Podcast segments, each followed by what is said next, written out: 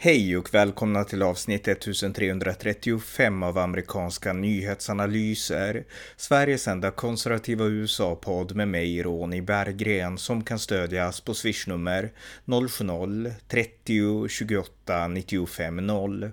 Här följer en uppdatering om det senaste i USA tillsammans med min kollega Björn Nordström. Varmt välkomna! Björn Nordström, välkommen! Ja, tack så mycket! Eh, ja, vi ska podda och uppdatera om det senaste som hänt i USA, så att eh, du kan börja.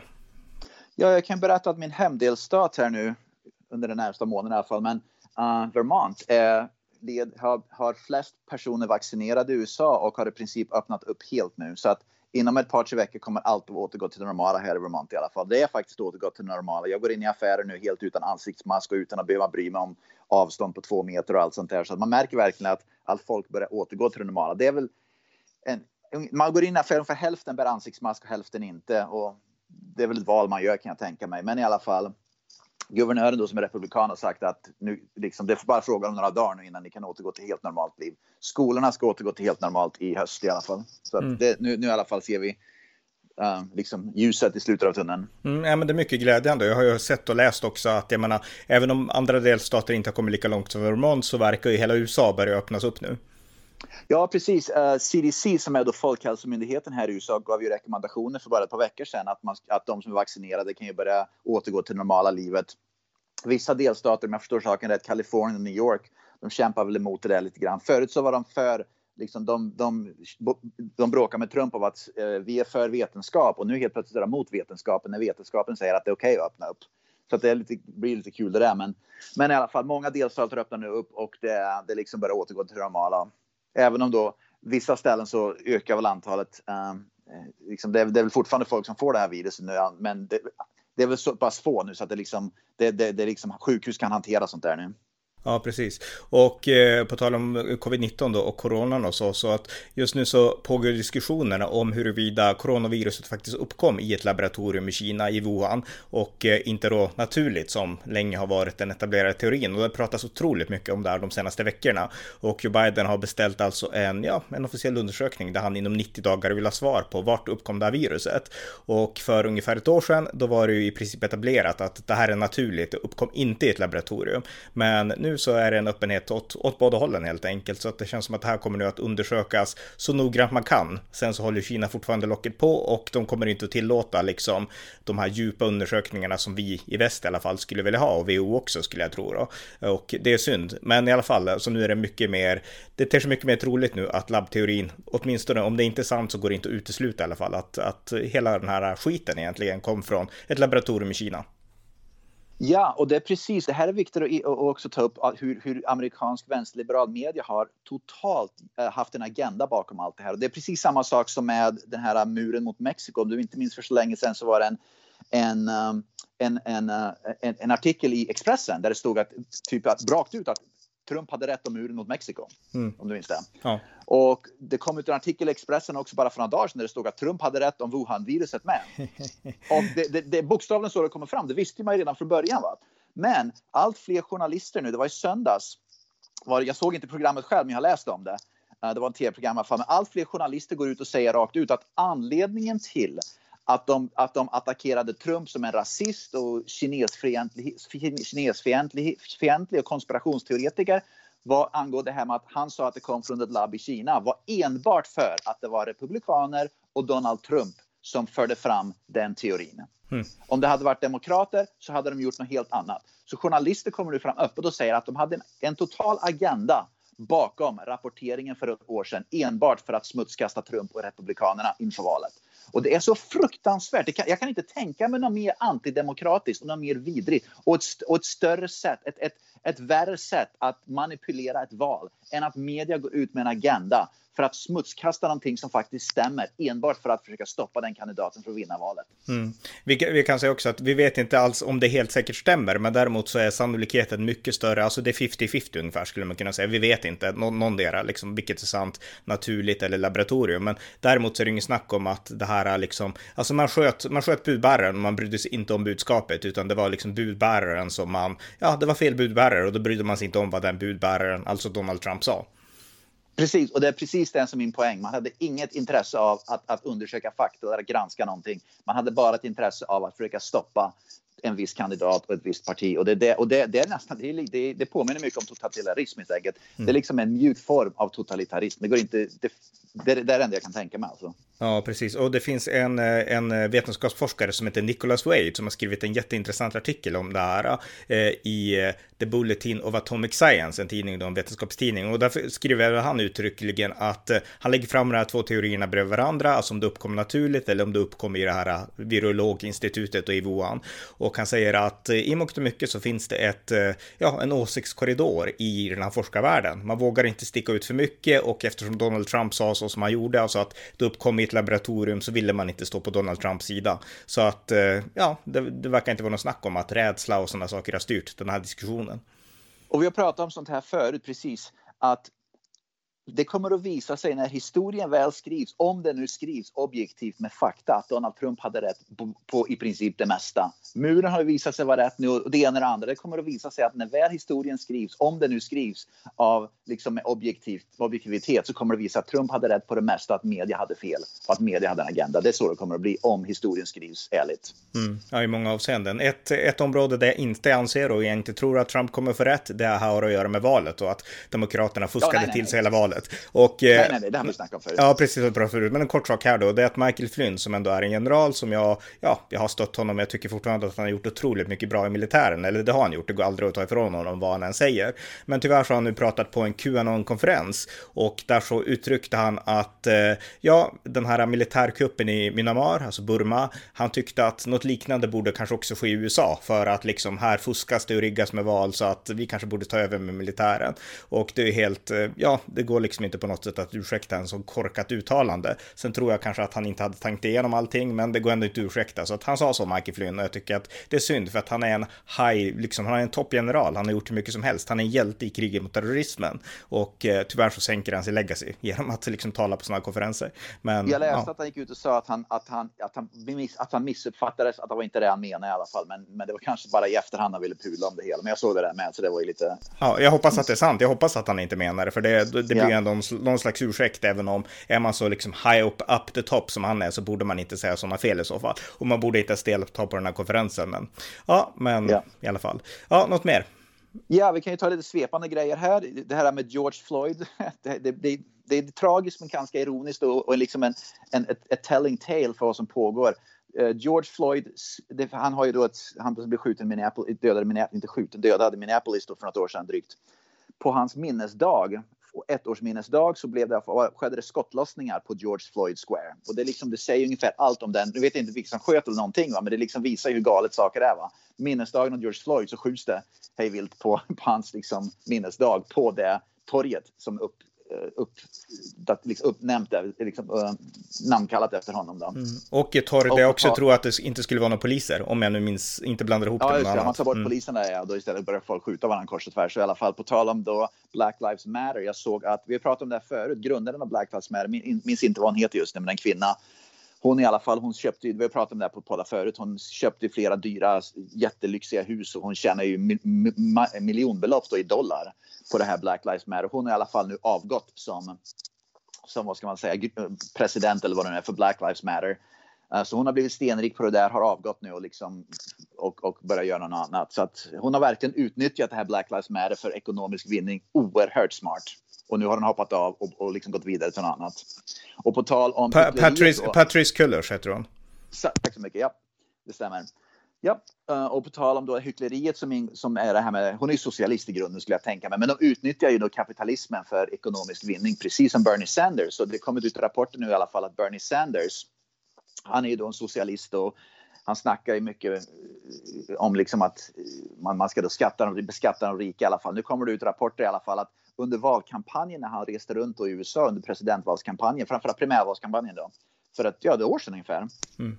Så han i alla fall, han hade enorma krav på hotellen han skulle stanna. Han hade krav på vilka, vilka, vilka typer av filtar som skulle vara där. Han ställde enorma krav på hotellen och på sin egen, uh, vad ska man säga, staff, sin egen, uh, sina egna anställda på massa småsaker som var tvungen att finnas tillgänglig för honom på hotellet. Som var liksom att färgen på filtarna var tvungen att vara rätt. Färgen på liksom, allting var tvungen att vara perfekt för honom. Och det är liksom det raka motsatsen till vad socialister egentligen borde stå för. Men mm. i alla fall så var han. Han var e- extremt bortskämd tydligen. Och, och, eh, med många krav. Intressant, det visste jag inte. Alltså tiderna förändras ju. Men jag minns när George W. Bush kandiderade i primärvalet 2000 så vart han hånad, eller hånade vill jag ta i, men man drev med att han hade alltid med sig sin egen favoritkudde, alltså hemifrån, kudden hemifrån, skulle ja. han alltid sova på. Eh, men det här lät ju som lite, det lät ju som en, liksom en, ja inte vet jag, en torparvariant, medan Bernie Sanders vill köra lyxlivet.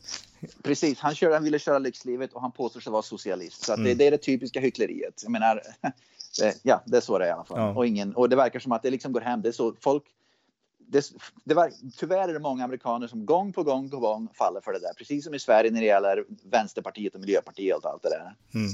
Ja, verkligen. Eh, något annat?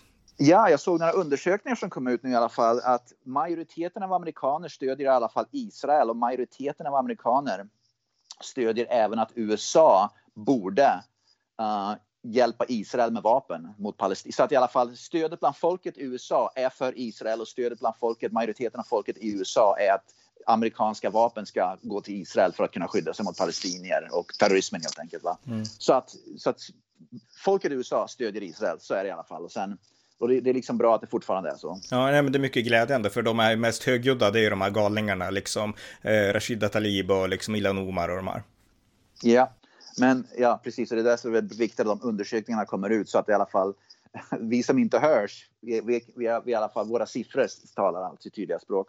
Mm. En sak jag tänkte vi prata om också, jag tänkte bara nämna riktigt snabbt, är att vi pratar om det här defund the police och allt sånt här i USA. Allt fler städer nu, och vi pratar så mycket om det här, men allt fler städer i USA när de börjar defund the police och, och skära ner på polisen, brotten går upp, morden går upp, allt går upp vad gäller kriminaliteten. De börjar nu ändra på det där och återgå till, man börjar helt enkelt ta, ta pengarna tillbaka och, och anställa fler poliser nu. Så att städerna som har gått i fel riktning börjar gå till rätt riktning i alla fall nu vad gäller att, att återgå till, till normal polisverksamhet.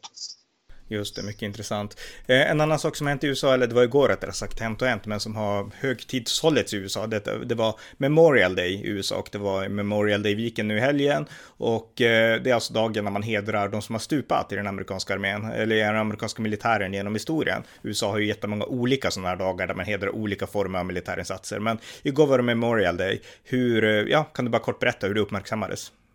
Ja, man, ofta går man till kyrkogårdar. Det finns ju Arlington i, i Washington DC är ju då en kyrkogård som är hedrar då amerikaner som har stupat i krig och presidenter går ofta dit. Så Joe Biden gick faktiskt dit igår om jag, om jag förstod saken rätt i alla fall.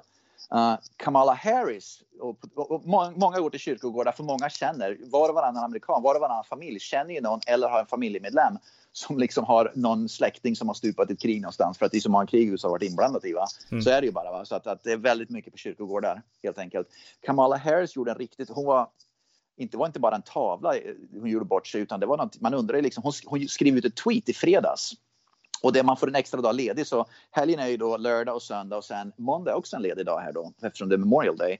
Hon skickade ut ett tweet i fredags i alla fall där de skrev, eh, där de skrev rakt ut att uh, njut av, njut av långhelgen. Men hon nämnde ingenting om att man ska hedra uh, de som har stupat i krig. Va? Mm. Men sen så kom hon ut två dagar senare. Hon fick enorm massiv kritik i media för att fullständigt ignorerat vad egentligen Memorial Day är till för. Det är inte bara till för att man ska njuta av en extra ledig dag utan man ska hedra de som har stupat i krig. Uh, och då skrev hon ut ett extra tweeten. Uh, men det visar ju kanske hennes inställning att hon strunt, om hon glömde bort det eller om hon gjorde det medvetet, det spelar ingen roll.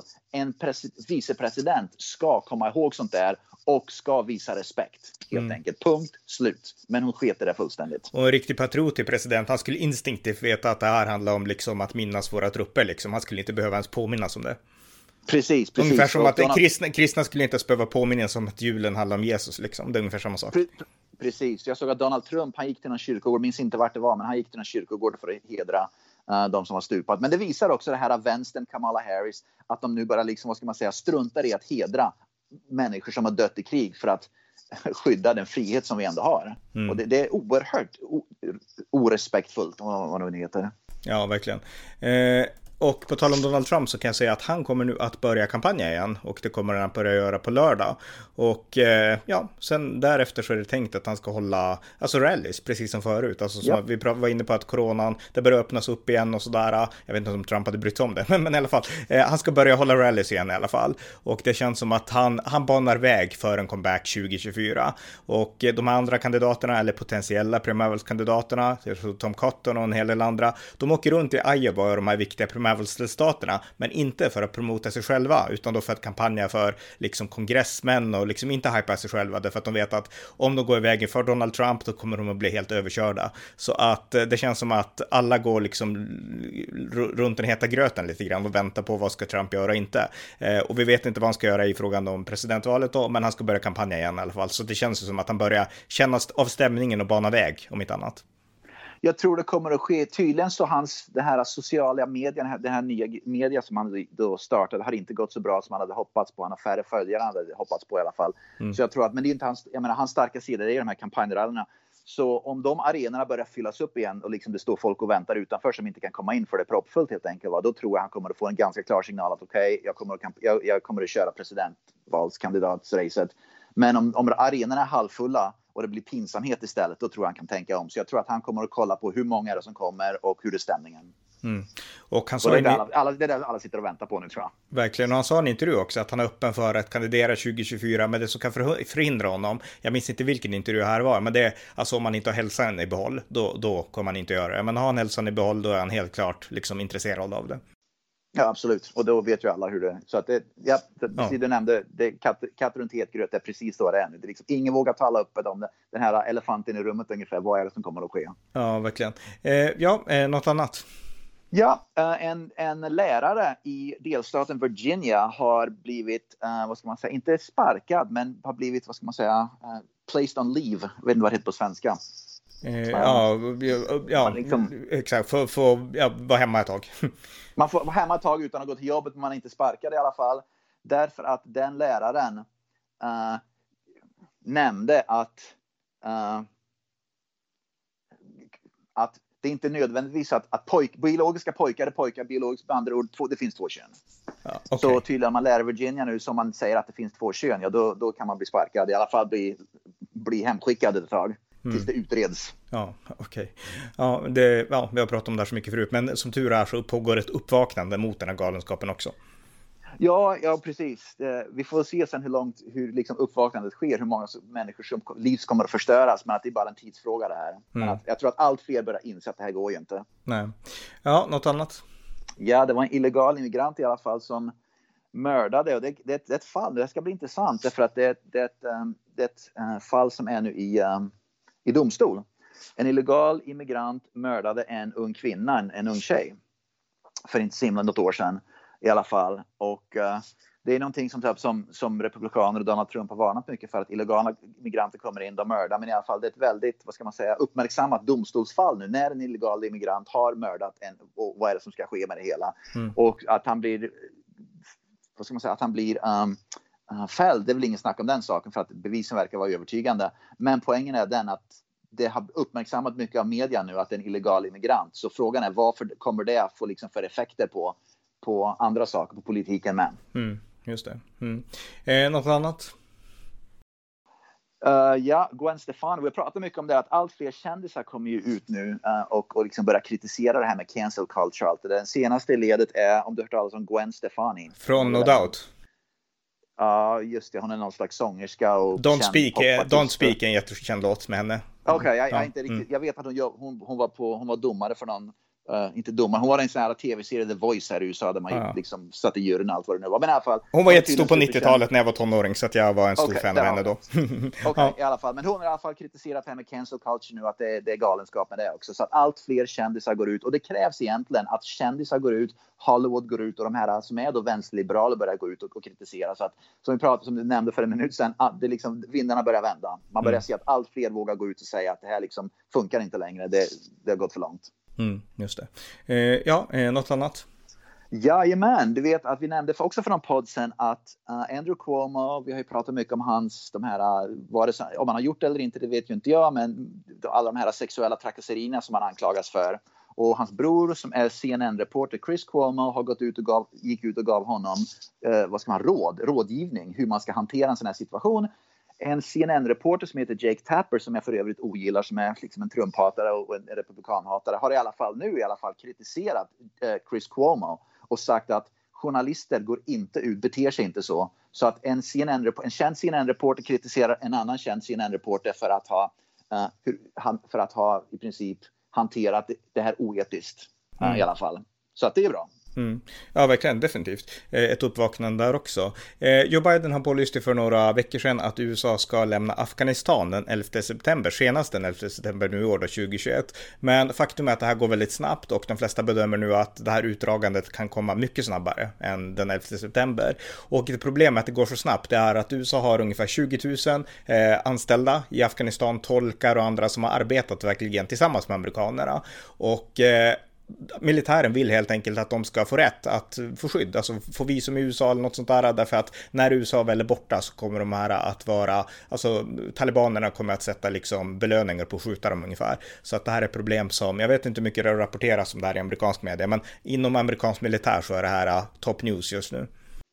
Det har inte rapporterats i princip någonting och det var ju samma sak i Irak tror jag. Mellanöstern har ju varit precis samma sak med, med det där att om man ska ge dem uh, uh, visum till vidare Men mm. rapporteringen du sa i media har inte har varit, jag har inte sett någonting ärligt talat. Nej, just det.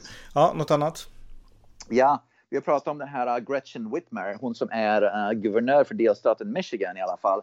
Och uh, det allt fler, precis som i Kalifornien försöker nu opinionen, där kan man då avsätta en guvernör i Kalifornien, i delstat, där man försöker nu avsätta uh, Gavin Newsom. I Michigan försöker man nu avsätta Gretchen Whitmer, Gretchen Whitmer och en domstol har nu i alla fall sagt att det är helt okej okay, att man måste gå via domstol först för att få domstolens godkännande att kunna få avsätta. Så i alla fall domstolen i Mich en domstol i Michigan har nu i alla fall godkänt att det är okej okay för folket att, att gå vidare med en avsättnings, uh, avsättningsprocess mot, uh, mot guvernören. Mm, just det. Och det handlar då om hur hon, hon, har hanterat det här med coronaviruset och hon har gjort liksom låst i, upp hela, hon har liksom låst hela Michigan och sen bröt hon mot sina egna regler och så vidare. Och så vidare. så det, är, det, är specifikt om hur hon har, har agerat kring corona som man vill avsätta henne för. Så att det kommer att gå vidare nu. Just det. Mm. Något annat? Ja, jag nämnde för ett tag sedan, för någon podd eller två sedan, att de, flera delstater i USA har ju börjat förkasta det här uh, critical race theory, med andra ord att det, man ska inte få undervisa det i, på universitet i delstater eller på uh, offentliga skolor. Och det handlar i princip om att, man, att critical race, race theory bygger på att vita är alltid skyldiga, uh, minoriteter är alltid oskyldiga och vita ska känna skam och skuld resten av livet för att de är vita. Det är liksom ungefär det går ut på. Va? Mm. Uh, förenklat, men det liksom, i praktiken är det så. Ja. I alla fall del, delstaten Oklahoma har nu förbjudit det att få undervisas och dessutom och nu är det ett universitet som var tvungen på grund av den lagen som stiftades i Oklahoma så ett universitet som skulle undervisa critical race theory klasser, kurser i delstaten Oklahoma var tvungen att eh, stoppa den undervisningen. De klasskurserna får inte längre undervisas. Så att det gick från lag till olagligt att undervisa de kurserna. Så att saker, hände, saker och ting hände fort i, i Oklahoma mm. med det. Just det. Eh, den här konflikten mellan Israel och Hamas, alltså jag såg en ganska intressant sak på, eh, det var på YouTube jag såg det, men Bill Maher, han är ju en väldigt känd liberal i USA och han hade ett ganska intressant inslag då där han förklarade att idag är USA uppdelat, alltså eh, liberalerna stöder inte Israel längre, men han själv gör ju det, han tillhör en av de här, alltså han är kritisk ja. mot allt som är konservativt, men däremot är han också kritisk mot islamism och han stöder Israel, så det särskiljer honom från många andra liksom på hans kant idag. Han är en klassisk liberal. Ja, ja precis, verkligen en klassisk liberal. Och han, han sa så här att självklart måste vi stödja Israel och de här äh, kvinnliga unga influencers, jag vet inte vad de heter i USA, men som är ute och hejar på Palestina. Hade de varit en dag i Gaza, där liksom kvinnor nu måste gå, alltså en kvinna som inte är gift får inte gå utanför sitt hem i princip utan en manlig beskyddare. Hade de varit en dag i Gaza så hade de sprungit allt vad de kunnat för att kunna komma till Tel Aviv. så att det, han var, det var rätt roligt tyckte jag. Precis, jag såg en bild för inte så länge sedan som publicerades, jag vet inte om det var i New York eller något sånt där, där det stod uh, LBQT, de här bokstavskombinationerna mm. för mm. Palestina ungefär. Och då var det någon, det var på Twitter någon la ut det där och så skrev den att, att uh, gå ut och gör den här demonstrationen i Palestina eller ett, ett land i Mellanöstern så får du se hur det slutar. Och, och då, är det, då är det Israel ni vill gå till, inte, mellan, inte, inte Palestina. Nej, jag, jag, såg den också, jag såg den också, men jag tänkte att det kan inte vara seriöst ens att de ens tror från, men det kanske var det, jag vet inte. Oh, absolut, det är det. Mm, ja. men, men, det handlar ju inte om, det handlar ju i princip om det här vänster, det, det är ideologi bakom alltihop, att de begriper ju inte egentligen vad som pågår, eller så begriper de det, men de vill, men liksom judehatet är för stort, att man helt enkelt, och man begriper liksom inte vad som egentligen pågår, jag vet inte. Men jo, det var absolut seriöst det där, det var på riktigt. Mm, ja, okej. Okay. Eh, jag kan också säga att Ted Cruz, han är, ja, det är alltså senatorn, republikansk senator från Texas, han är i, han är i Israel just nu, läser jag på Fox News, så jag läser det här just nu, så att jag har inga djupare, eh, ja, inget annat än det, men, men Ted Cruz är i Israel nu för att visa, ja, sitt stöd antar jag till, till Israel. Yep. Ja. Uh, ja. Blir jag inte förvånad över skvatt. Nej, något annat? Ja, på tal om Black Lives Matter, uh, allt fler, vi har pratat om det här grann förut, uh, att det, det, svarta kvinnor som har förlorat sina söner, i sina, framförallt är det söner då, uh, i, i skjutning, i skottlossningar i USA då, har ju gått ut och kritiserat Black Lives Matter som att de bryr sig egentligen inte om svarta. Och nu såg jag också att allt fler uh, mammor vars söner har blivit skjutna av poliser i USA kritiserar Black Lives, inte poliser, de kritiserar Black Lives Matter för att, uh, vad heter det, profit, uh, mm. utnyttja deras, deras, deras söners död mm. i politiska syften.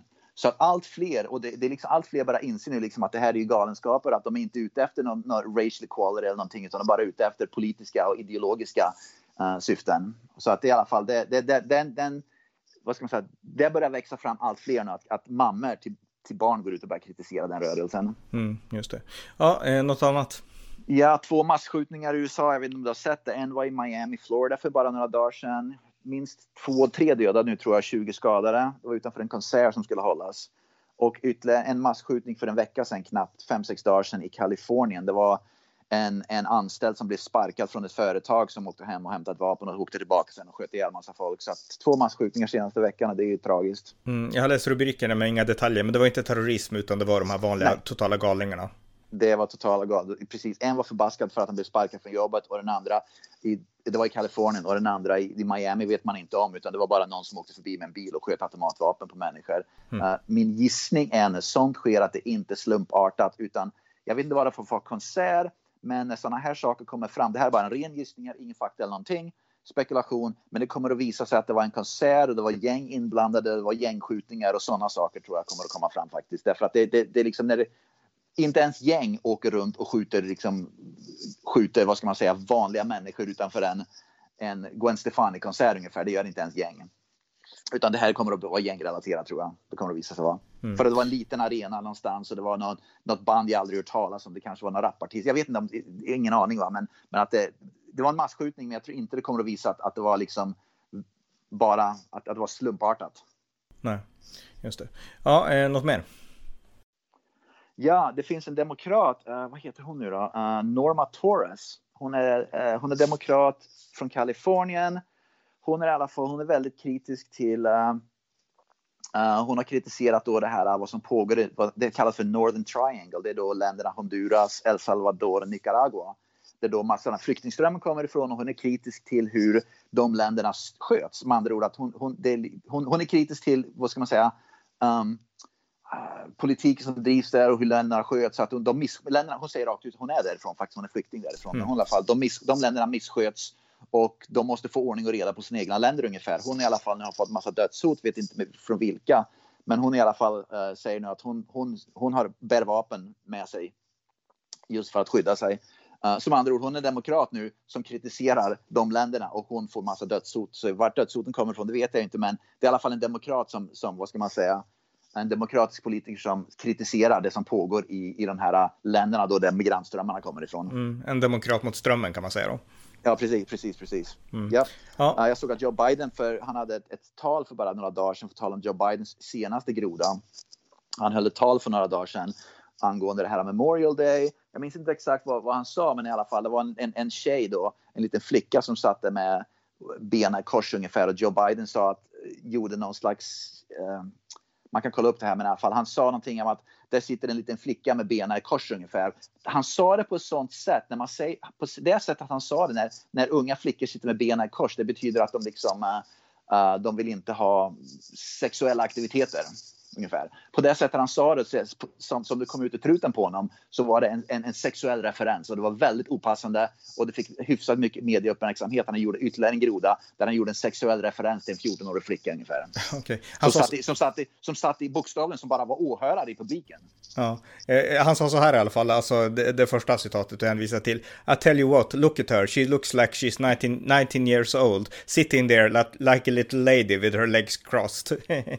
ja. Precis, det kom det. Precis, ja. tack så mycket. Och det är väldigt, väldigt, väldigt opassande. Jag, menar, jag har ju en dotter som är 15, va? jag skulle bli rosenrasande om, om någon sa det om henne. Va? om Biden sa så. Precis, ja. det, det, är, det är väldigt, väldigt opassande. Men mm. han kommer undan med sånt. Uh, hade det varit Trump som sa det, då hade han blivit anklagad för liksom, pedofili omedelbart. Mm. Ja, verkligen. Ja. Eh, något mer? Ja, i Oklahoma i alla fall, där ska man nu döpa om en motorväg till Donald Trump, motorvägen. Okay. I alla fall, han, han är omtyckt så att en, en motorväg som går från Texas in genom Oklahoma, ja, mellan Texas och Oklahoma med gräns, mot gränsen mot Texas och 20, 20 miles, ungefär 3 mil drygt, ska den döpas om till Donald Trump-motorvägen. Eh, Donald Trump Highway på engelska antar jag? Typ precis, ja. precis. Och det finns en lag som säger i Oklahoma att man får inte döpa om motorvägar förrän en person har varit död i tre, död i tre år. Men eftersom Oklahoma är väldigt republikanskt så har man då stiftat en ny lag väldigt snabbt och tagit bort den gamla lagen. Så nu får man döpa om eh, en motorväg till Donald Trump även om han inte är död än. Okej, okay, ja, ja.